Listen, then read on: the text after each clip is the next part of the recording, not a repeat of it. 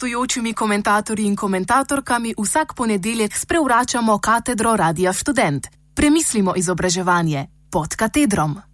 Številke in argument.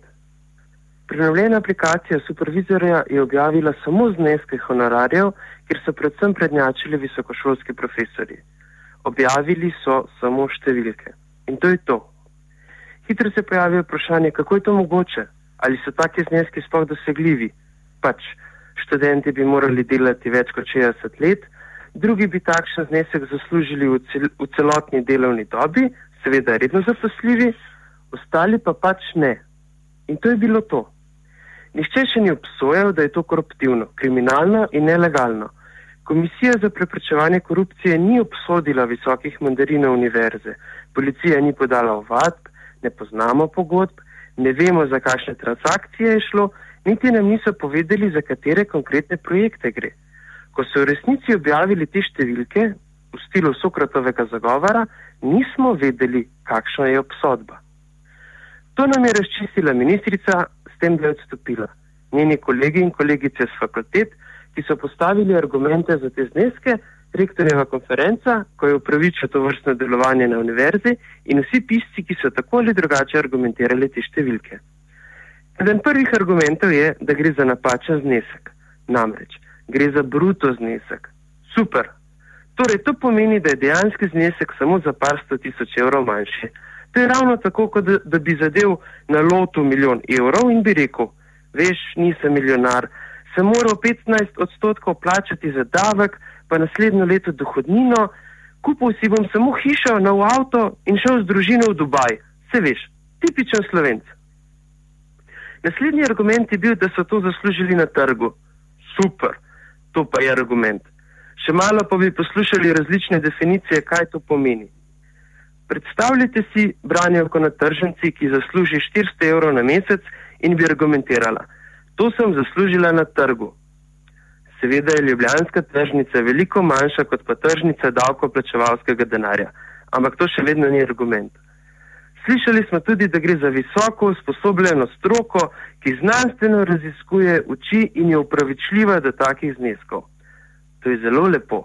Če ne bi bil znesek primerljiv z Nobelovo nagrado, potem bi njihovi dosežki bili objavljeni v najbolj eminentnih znanstvenih revijah in celo javno dostopni. Poleg tako učinkovitega nabiranja sredstev bi jih nagradili vsaj z nagrado znanstvenik leta ali pa kar menedžer leta. Zakaj so gospodarska združenja nagrajevala samo menedžere in direktorje, če pa kot profesor lahko zaslužiš več? Zakaj bi se nekdo učil samo za gospodarstvo, mladina? Pojdimo za rektorja, profesorja in pomagajmo gospodarstvu.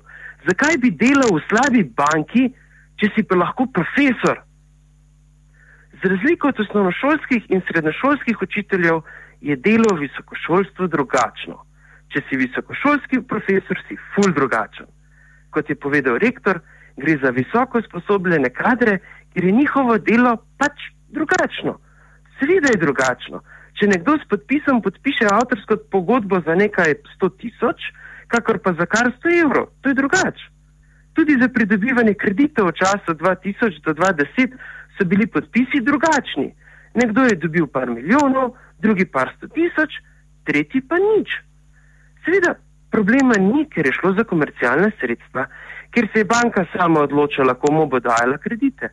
Ampak univerza ni enako kakor banke banka se lahko zmoti, univerza polna znanja pa ne.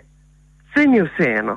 Strici iz države bodo rešili vse, za nas državljane pa je to preveč zakomplicirano. Delo akademikov je pač drugačno. Mi lahko računamo, koliko bomo zaslužili s 3, 5, 20 evrov na uro ali pa ne. Naprimer, Slavo Žižek je zaposlen na filozofski fakulteti, pa tam sploh ne dela. To delo je res drugačno in komplicirano. Nihče še ni obsodil akademske elite, ker niti ne vemo, kaj delajo. Ampak povedali so nam pa veliko. Res je, ne vemo, kako zaslužiti v takšni inštituciji, kako težko je predavati, zraven pa še raziskovati. Res je, številke niso točne in kot so nam povedali, niti ne gre za številke, ampak za argumente. Povedali so nam vse, kaj so in kako delujejo, ter kako ne razmišljajo. Hvala rektorju in mandarinski eliti, da ste nam povedali, kako delate. Še Snowden bi bil navdušen nad takim razkritjem. Komentar sem pripravil, Miha Novak.